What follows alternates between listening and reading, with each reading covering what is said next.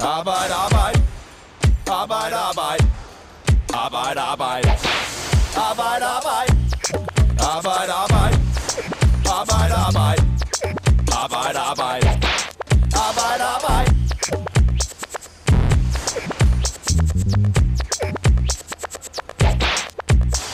Jeg tror, vi næsten hver gang, øh, vi har startet en overenskomstforhandling, og det her det er min fjerde, øh, har sagt, at det her det bliver de sværeste overenskomster nogensinde. Nogle gange har vi måske sagt det med lidt større glemt i øjet, øh, men det er altså ked af at skulle sige, det er uden glemt i øjet, at vi siger det den her gang. Alvoren stod malet i ansigterne på chefforhandlerne, da de tidligere på ugen holdt pressemøde om de forestående overenskomstforhandlinger. Vi skyder jo en, en start i gang i dag, øh, som er noget af et øh, forhindringsløb. Udenfor stod arbejderne klar med de røde faner og store forventninger. Vi forventer selvfølgelig, at forhandlerne de kommer med nogle gode, øh, gode forhandlinger, og at øh, vi får nogle gode, gode ting igennem. Og forhandlingerne har alle ingredienser til at blive de mest dramatiske i nyere tid. Og de handler både om inflation, energikrise og stor bededag.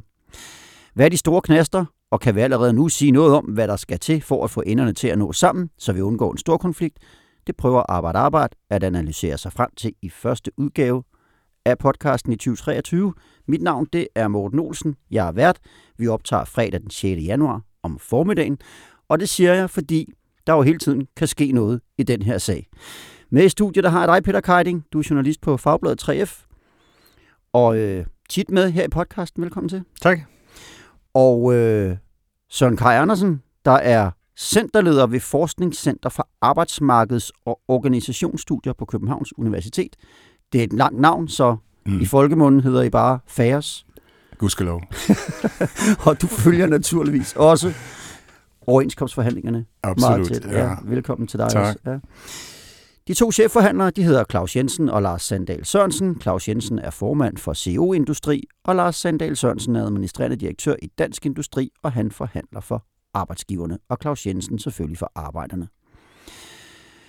Forhandlerne har skal sammen forsøge at blive enige om det såkaldte gennembrudsforlig for omkring 230.000, som er omfattet af industriens overenskomst. De fastsætter rammen, det vil sige, hvor mange penge overenskomsten i alt kommer til at koste, og senere vil de andre områder, blandt andet transporten og byggeriet, forhandle deres aftaler på plads. Forligene plejer at blive indgået i løbet af februar. Men kan vi også forvente, at det går sådan denne gang? Jeg kigger over på dig, Søren Kaj Andersen.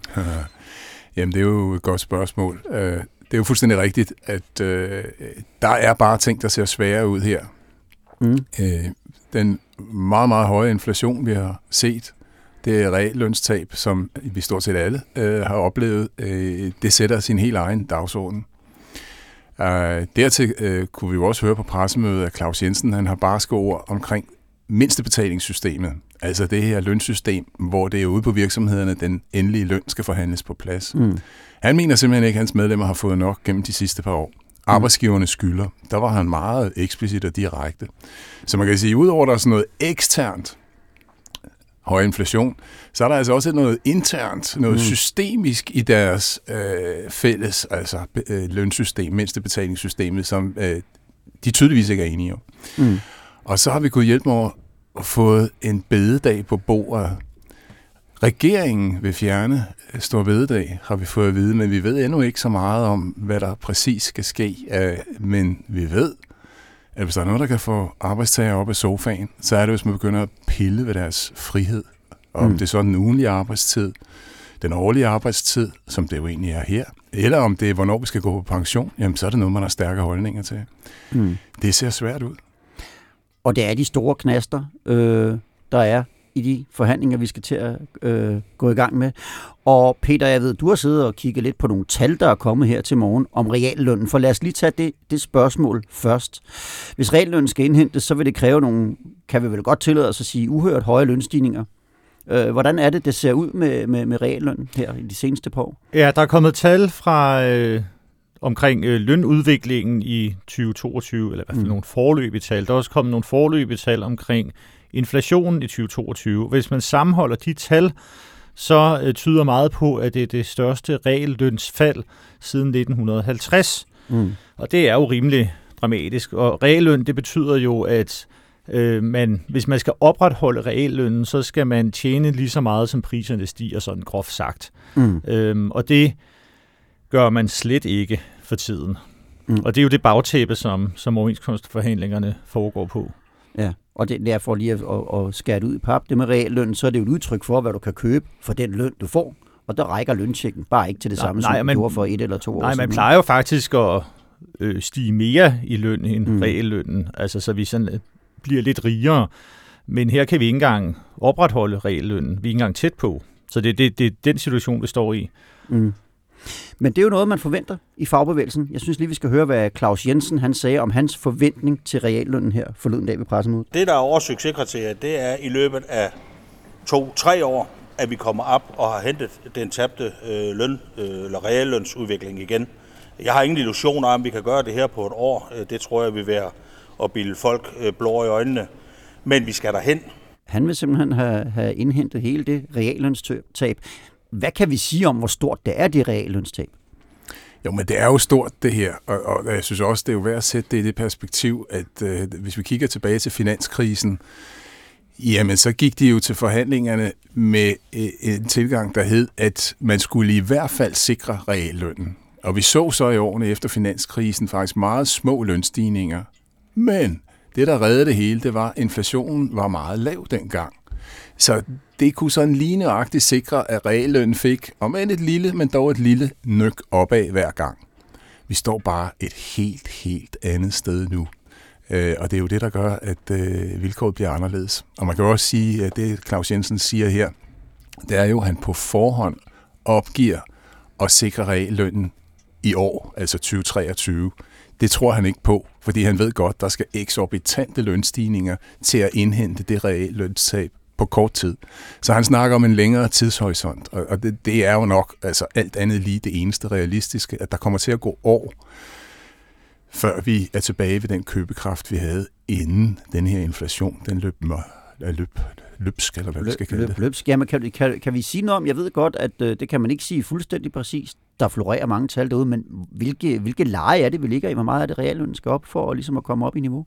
Ja, men altså, det, det er jo rigtigt, der er flere tal, øh, og man kan vel sådan sige groft sagt, det ligger sådan og svæver det, vi ser i øjeblikket på sådan en 4-5 procent, Ja. Yeah. har vi tabt gennem 22. Mm. Ja, men så er der jo det der med, hvor, jamen det er rigtigt, og så er det jo, hvor meget vil vi så tabe fremadrettet. Og der er en forventning om, at inflationen vil falde, og der er nogle prognoser fra vismændene, Nationalbanken og øh, forskellige andre steder, øh, Finansministeriet, øh, men man kan jo ikke sige det med sikkerhed. Men Mm. mm. hvis nu, men der er nogle prognoser, der, der, der siger, at inflation den vil måske øh, være på sådan en 4-5 procent eller sådan noget de, de næste par år. Og Mm. så er det jo sådan det, man skal tage udgangspunkt i i forhold til reallønnen.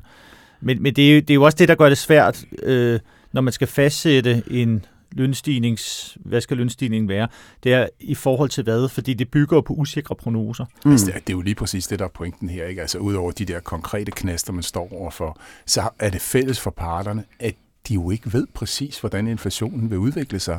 Det vil sige, at de ved heller ikke, hvad der præcis skal lægges op til i forhold til lønstigninger, for at vi langsomt kan genvinde vores købekraft. Mm. Så øh, det er jo usikkert terræn, og i øvrigt noget, der peger på, at det bliver en kort overenskomstperiode. Ja, så vi ved ikke præcis, hvor meget øh, at, at lønnen skal stige, for at reallønnen bliver sikret, men vi ved, at det er væsentligt mere, end det plejer.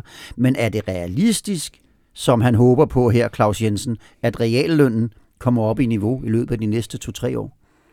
Jamen altså, det er jo ligesom at spørge, om det bliver den varmeste sommer nogensinde igen øh, her i 23, ikke? Eller, er jo- altså, dit godt er lige så øh, godt som mit, eller dit gæt er lige så godt som mit, ja. var jeg lige ved at sige, ikke? Men det er jo i hvert fald et udgangspunkt, hvor man må sige, at vi skal se anderledes lønstigninger i denne her overenskomst, end hvad vi har set i mange år. Øh, hvor højt de så skal op, det er jo det store spørgsmål. Øh, Man kan jo sige, der er jo den her diskussion om løn-pris-spiral. Mm. Altså, at man frygter, at bliver der givet for meget i løn, jamen så vil det hele bare gå endnu højere op, og vi kommer ikke til at få bugt med inflationen. Øh, indtil videre må man sige, at det vi har oplevet, det er en prisspiral. Der har Mm. ikke rigtig været noget lønspiral i det, fordi lønningerne har sådan set udviklet sig relativt moderat. Ikke? Mm. Og jeg tror, det var de økonomiske vismænd, der var ude. Jeg kan ikke engang lige huske, om det var det, men der var i hvert fald et bud på, at lønnen i 2022 godt kunne stige med 5,2 procent, uden at vi fik nogen lønspiral, altså lønprisspiral. Mm. Så altså, der er noget rum her. Ja. Og så er, så er det klart, så kan man diskutere det der meget længere. Det er jeg sikker på, at økonomerne Og, også og, gør. og forhandlerne prøver jo også at... Øhm, at de prøver også at være lidt pragmatiske for begge sider. Mm. Altså, der er en, en erkendelse, både for arbejdsgiver og for øh, øh, fagforeningerne, at lønnen skal stige mere, end den plejer at gøre, men den skal ikke stige så meget, som at sikre realløn på kort sigt. Og hvor skal man så lægge sig? Mm. Og det spørgsmål, kan man så finde hinanden der? Og hvis man kan finde hinanden der, er det noget, medlemmerne kan sige ja til?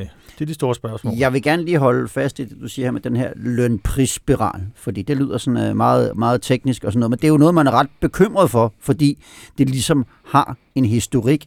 Tilbage i 70'erne, der, der stak det helt af og skabt en kæmpe økonomisk krise. Så Kai, kan du ikke prøve at sætte nogle ord på, hvad, hvad, hvad vil en lønprisspiral sige? Ja, problemet bliver jo, hvis man lader lønningerne følge med og, og løbe lige så hurtigt som priserne. Og det gjorde de faktisk der tilbage i 70'erne, hvor vi havde den såkaldte dyrtidsregulering. Man skal efterhånden have nogle år på banen, for at man kan huske det begreb. Men det var jo, at man automatisk regulerede lønnen op, når priserne steg. Men det man jo så ske, det var så, jamen så bliver varerne dyre. Det vil sige, så er der færre, der køber, så taber virksomhederne konkurrencekraft over for udlandet, sælger mindre, så bliver der færre jobs, så får man arbejdsløshed, og i øvrigt så fik man også betalingsbalanceunderskud i 70'erne. Vi kom til at skylde udlandet penge. Det var rigtig skidt, og det er Mm. alle enige om, at det var skidt. Vi står bare også et andet sted i dag. Altså, Mm. dansk økonomi er faktisk ret sund og solid. Og vi har en stik modsatte situation på vores betalingsbalance. Vi er rigtig gode til at sælge til udlandet. Vi har kæmpe overskud. Vi har også stort et overskud på vores betalingsbalance, at udlandet skylder os penge i et ganske voldsomt omfang. Nogle økonomer mener et usundt stort omfang. Det lyder lidt som et luksusproblem, og det er der måske også. Øhm, Men alt handler om nogle balancer her, mm. og det er bare for at sige, at øh, vi står i en meget anderledes situation rent økonomisk, end vi gjorde i 70'erne, selvom den høje inflation er det, der er fælles. Mm. Men, men det her det er så den ene side af sagen, men Lars Sandal Sørensen og øh, hvad hedder det, øh, arbejdsgivernes forhandlere, de slog jo også på på, på, øh, på pressemødet forleden dag, jamen prøv lige at høre en gang, der er altså også nogle virksomheder derude, som er presset af energikris, som, som bruger energi i deres produktion, som lige pludselig koster flere penge. De har også lige været igennem en coronakrise og sådan noget. Der er altså også lidt tomme kasser rundt omkring i virksomhederne. Risikerer vi ikke, at en masse virksomheder lige pludselig går rabundus, hvis vi kommer og, og forlanger alt for meget mere i løn? Om det er jo også noget... Altså, øh, der er faktisk en del virksomheder, der har klaret sig ret godt. Og Mm. mm. det er jo også det argument, som kommer fra, øh, fra fagbevægelsens side. Så selvfølgelig er det... Øh, ingen er tjent med, at virksomhederne går rabundus. Øh, at det bliver så dyrt at aflønne Mm. øh, medarbejderne, at Mm. de slet ikke kan få det til at hænge sammen. Men, men fra fagbevægelsens side, der peger man på, at der er en del virksomheder, der har klaret sig ret godt i den senere periode, og der er lidt mere at give af. Mm. Man kan jo Men der sige, er også nogen, der ikke har. Ja, selvfølgelig er der nogen, der ikke har. Mm. Jeg synes jo, noget af det, der i virkeligheden er lidt bekymrende her, det er, at vi oplever, at de to parter, som jo ellers plejer at kunne være meget konstruktive sammen, altså CO-industri og Mm. dansk industri, de slås lidt om tallene i øjeblikket. Mm. Øh, blandt andet øh, op til de lokale lønforhandlinger her i foråret 22, der sendte CO-industri noget datamateriale ud, som angiveligt viste, at produktiviteten er løbet for lønnen. Mm. Det er så at sige fuldtes pænt ad, stort set siden 1960 og frem til 2012 eller noget i den stil. Siden da, så er produktiviteten stukket af, men lønnen hænger ikke på på samme måde. Det vil sige, at hver enkelt medarbejder leverer simpelthen mere for sin løn. Ja. Altså øh, me- mere produkt for sin løn, end, Ja. end de har gjort tidligere. Ja, Mm. men får ikke en tilsvarende lønudvikling. Mm. Det var Metals, eller CO-industris argument. Mm. De havde også tal, der viste, at øh, indtjeningsgraden, eller var det overskudsgraden, et eller andet tal der, har været stigende i danske virksomheder. Mm. Og så er det så begynder der en masse palaver. Mm. Øh, er det her udtryk for et generelt billede? Eller er det udtryk for nogle enkelte, meget store, meget stærke virksomheder? Det er sådan Mm. noget eller Mærsk og Mm. Novo og sådan nogle typer, som bare vrider det hele et eller andet særligt sted hen. Mm. Og så er der jo en masse andre derude, der har det halvskidt. Mm. Det er sindssygt svært at få et klart billede af. Og man kan Mm. mm. konstatere, at CO-industri og dansk industri, de har ikke et fælles billede af, hvordan det der ser ud. Men det, man så har som mulighed der, det er jo, at man kan forhandle noget, noget løn lokalt ude på virksomhederne. Ikke? Det, man behøver ikke nødvendigvis holde sig inden for den der ramme, som de sidder og forhandler om nu. Jamen, det er vigtigt, det der, fordi ja. det er jo faktisk ude på virksomhederne, at lønnen forhandles. Mm. Det eneste, som de sidder centralt og forhandler, det er mindste betalingssatsen. Mm. Altså den absolut laveste løn, du må få. Mm. Men, og det er jo her, det begynder at blive kompliceret, mm. der ligger jo et signal i, hvor meget det lader mindste betalingssatsen stige. Mm. Bliver det større eller mindre, det beløb? Mm. Og så er der selvfølgelig også de andre ting, de aftaler. Mm. Løfte fritvalgsordningen eller mm. andet. Give noget yderligere til pension. Det koster også penge. Mm. Så på den måde er der jo nogle penge og nogle signaler om, hvor mange penge, der er til stede i industriens gennembrudsforlig. Men løn i sidste ende, mm. det er ude på virksomheden. Og det er jo også derfor, Claus Jensen har så stort fokus på denne her decentrale lønforhandling, altså virk- og tillidsmændenes evne til at rent faktisk få løftet lønnen derude. Det har han nemlig, og det sagde han også noget om på pressemødet ja. forleden dag når minimallønssystemet ikke fungerer ude på virksomhederne, som jeg synes, jeg har svært ved at se den gør, altså at tillidsrepræsentanterne rent faktisk får de resultater ude på den enkelte virksomhed, som afspejler det resultat, virksomheden har haft. Hvis det ikke fungerer mere, så bliver vi jo nødt til at kigge på reglerne for de lokale lønforhandlinger. Han vil have andre regler for lokale lønforhandlinger. Hvad kan det være for noget? Ja, han sagde også på om det på pressemødet. Øh, det, det er jo flere ting. Altså, der, der er mange skal vi sige, øh, møtrikker at skrue på. Men en af de ting, der blev nævnt, det er jo blandt andet, at hvis de ikke rigtig kan blive enige ude på virksomheden, så skal der være en mailing. Der kan strammes op omkring, hvordan den mailing foregår, og det er jo givetvis noget med at gøre det mere potent, det der foregår der, sådan så, at hvis det rent faktisk er sådan, at virksomheden tjener gode penge, produktiviteten er steget, jamen så skal det også afspejle sig på lønnen.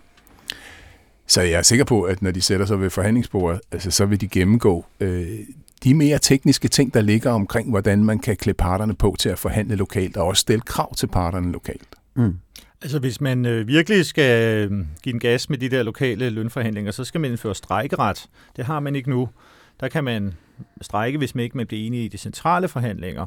Mm. Det er øh, slet ikke sikkert, det kommer så vidt. Men det altså, kommer det, ikke til at ske, det, det tror jeg godt, vi kan sige. Nej, det kommer, nej, okay.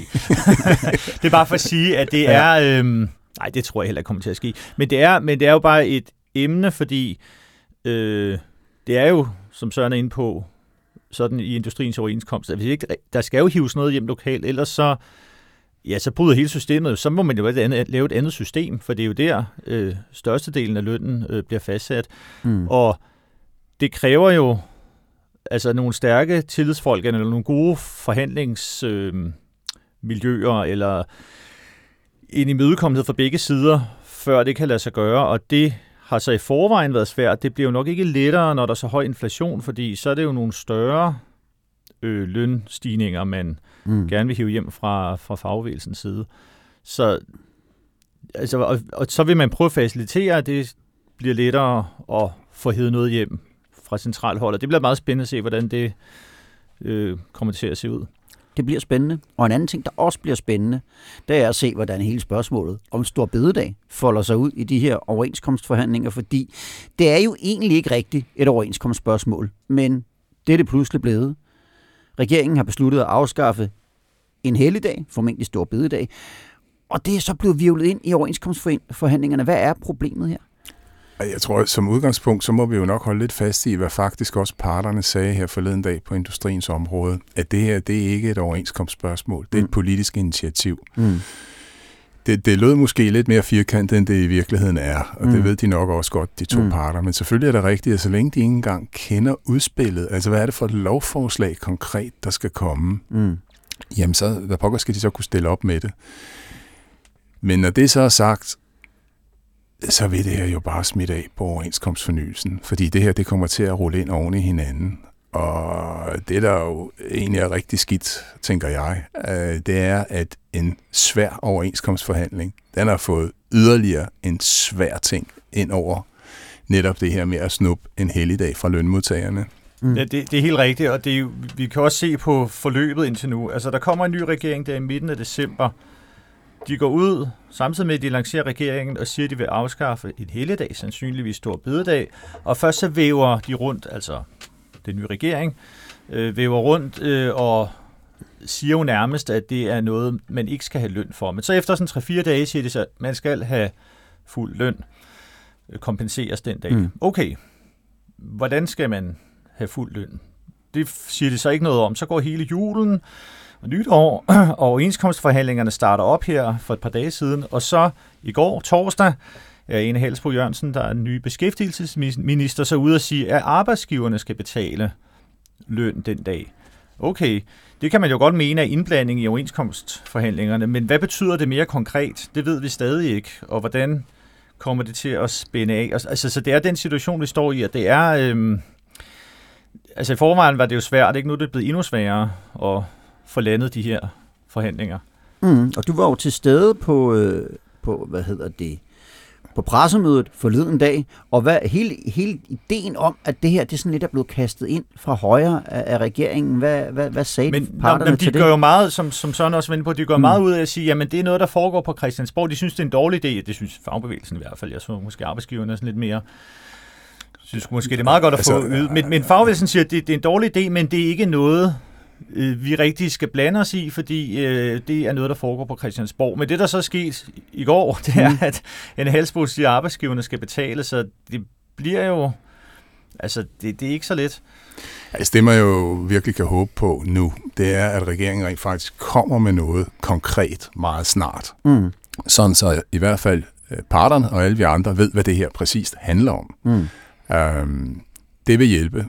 Men det vil jo ikke løse det, altså, mm. fordi øh, jeg har svært ved at forestille mig andet end at utilfredsheden med at miste en helligdag, den kan hurtigt sætte sig blandt lønmodtagerne. Altså, det har vi set før. Mm. Vi så det, da hele Thorning i 2012 forsøgte at skaffe penge til velfærd. Øh, det blev helt ned ad brættet af, mm. Gud hjælp mig, Dansk Metal. Ja, ja. Øh, konflikten i 98, den ja. handlede også om frihed. Mm. Øh, det var så noget med at give lidt frihed. Mm. Nu handler det om at tage lidt frihed. Mm. Jeg tror ikke, der vil blive kigget mildere på det. Ej, altså, det, det, jo... det, det, altså, det er teknisk set ikke ja. noget, der skal ind på overenskomstbordet, men det er svært at forestille sig andet, end at det kommer til at smitte af ja. i sidste ende, og kan få betydning, når lønmodtagere, fagforeningsmedlemmer skal ud og stemme om det her overenskomstresultat. Men, men, ja, for, for nogle, for nogle må, mænd... Ja. Må jeg ikke afbryde? Jo, jo, må jeg ikke lige spørge lidt dumt her? Hvis, hvis der lige pludselig er et dekret om, at jamen, nu skal alle arbejde øh, en ekstra dag om året, og det skal de have løn for, bliver det så ikke et overenskomstspørgsmål, hvor meget de skal have i løn for den dag? Jo, det... Jo, ja, altså det, der man kan jo sige, hvis det bliver en almindelig hverdag, så vil der mm. sikkert være masser af overenskomstregler, som fint, fint forklarer, mm. hvordan skal du så afdønnes den pågældende dag. Mm. Øhm, så. Men, men det er jo også det der med, det er jo bare, fordi for nogen sådan nogle... Øh, akademikertyper, eller øh, altså der kan det jo sådan, noget, hvad gør det så meget fra eller til, og sådan, men altså for... Ho, ho. Hvad? jamen, jamen, jamen, jamen, min pointe er bare... Jeg kan godt lide min fridag. min pointe er bare... Hvis er du man selv nu... en akademikertype, eller hvordan er man, når man er sådan en journalistisk håndværker, Peter Greining? Det? altså for, for eksempel HK Handel, det er dem, der organiserer ja. de butiksansatte. Der er det altså virkelig noget, der batter noget. For hvis man, der er mange gange, der er noget, der hedder lukkeloven. Mm. Så havde man øh, skulle butikkerne holde lukket på alle mulige tidspunkter. Den er jo blevet virkelig meget liberaliseret. Nu er der nogle ganske få tidspunkter tilbage, hvor butikkerne skal holde lukket. Det er på de her helligdage. Altså ikke alle butikker, men de fleste. Det er nu sikre fridage, altså butiksansatte har, de langt de fleste butiksansatte, den mister de nu. Altså det, det, der betyder det altså virkelig noget. Mm. Så det er ikke bare, skal man sige, det er bare en dag, nej, men altså, det er øh, hjerteblod for mange det her. Så mm. derfor så er det noget af en bombe. Vi øh, skal til at runde af, men jeg skal lige høre, der er nogen, der har sagt, at vi står foran den største risiko for stor konflikt, siden vi sidst havde en i 1998. Deler du den betragtning, Søren Kajer? Ja, altså jeg vil jo mene, at der er simpelthen nogle forhold her, der gør sig gældende. Ganske mm. kort, inflation, øh, Claus Jensens utilfredshed med sit eget lønsystem, og nu en helligdag. Altså det, det er tre voldsomme ting alle ja. sammen, øh, og det gør det svært. Mm. Og når det så er sagt, så må vi også sige, at øh, særligt de to parter i industrien, altså de vil helt givet gøre sig meget store anstrengelser for at lande et resultat. Mm. For der er også meget tab. Det er dyrt. Det er dyrt for arbejdsgiverne at komme ud i en stor konflikt. Mm. Det er det faktisk også for lønmodtagerne. Mm. Der skal åbne strækkekasser osv. Det kan jo også koste lidt i forhold til de meget vigtige industrivirksomheder, vi har, og som mm. er flettet godt og grundigt sammen med udenlandske produktionskæder osv., og de lige pludselig falder ud og sådan noget. Det er skidt. Mm. Det kan koste lidt på ordresiden også mm. på sigt, og hvad ved jeg. Så mm. ja, det koster for hele samfundet det her. Ikke? Mm. Det er de så meget bevidste om, industriens mm. parter. Kan man Men sige, det at det blev, det blev sværere at lave en stor konflikt, end det var for 25 år siden? Nu siger Jamen det. altså, jeg, jeg tror måske, man kan sige, at konsekvenserne af en stor konflikt kan godt blive voldsommere, Mm. mm. fordi vi i dag lever rigtig godt af en stor, solid eksportsektor, som er flettet godt og grundigt sammen mm. med de store eksportmarkeder, vi har, og andre producenter der og så videre. Så det, det, det har ret store konsekvenser, hvis man lige pludselig bare står stille og ikke kan noget endnu. Vi skal til at runde af, men jeg ved, Peter, at du skal ile videre, fordi der er allerede mere overenskomst øh, på brættet Ja, det- for dig. Hvad, hvad, hvad, hvad er det, der skal ske? Jamen det er, nu optager vi jo fredag formiddag, og Det her vi. Øh, klokken 13 fredag, der er pressemøde øh, også i Dansk Industri, hvor der også var pressemøde forleden, men mm. denne gang er det transporten, øh, altså transportområdets overenskomstforhandlinger, der starter op. Mm. Så det skal jeg over og, og dække. Øh, og der kan jo ske nye og spændende ting, Mm. og så kommer byggeriet i næste uge, så øh, der er nok at, nok at se til. Der er nok at se til. Jeg synes, de andre gange, vi har skulle dække overenskomst, der har vi stået sådan her i starten af januar og sagt, ah, hvor meget er der, vi kan tale om på det her tidspunkt. Den her gang er der bare virkelig meget, og det bliver der formentlig ved med at være flere måneder endnu, så vi vender helt sikkert tilbage. Og I to, I kommer til at beskæftige jer rigtig meget med, øh, med, hvad hedder det, med, med overenskomstforhandlinger det næste stykke tid. Gå ind på fagbladet 3f.dk, eller ind på Færes hjemmeside, der Ja, ligger også delen, analyser ja. og så videre. Ja, Vi har jo meget daglige resuméer af, hvad der kommer frem. Og, ja men der kan du bare se. Ja. Der kan du bare se. Til jer, der lyttede med, ha' det godt, til vi høres ved igen. Arbejde, arbejde. Arbejde, arbejde. Arbejde, arbejde. Arbejde, arbejde. Arbejde, arbejde. Arbejde, arbejde. Arbejde, arbejde.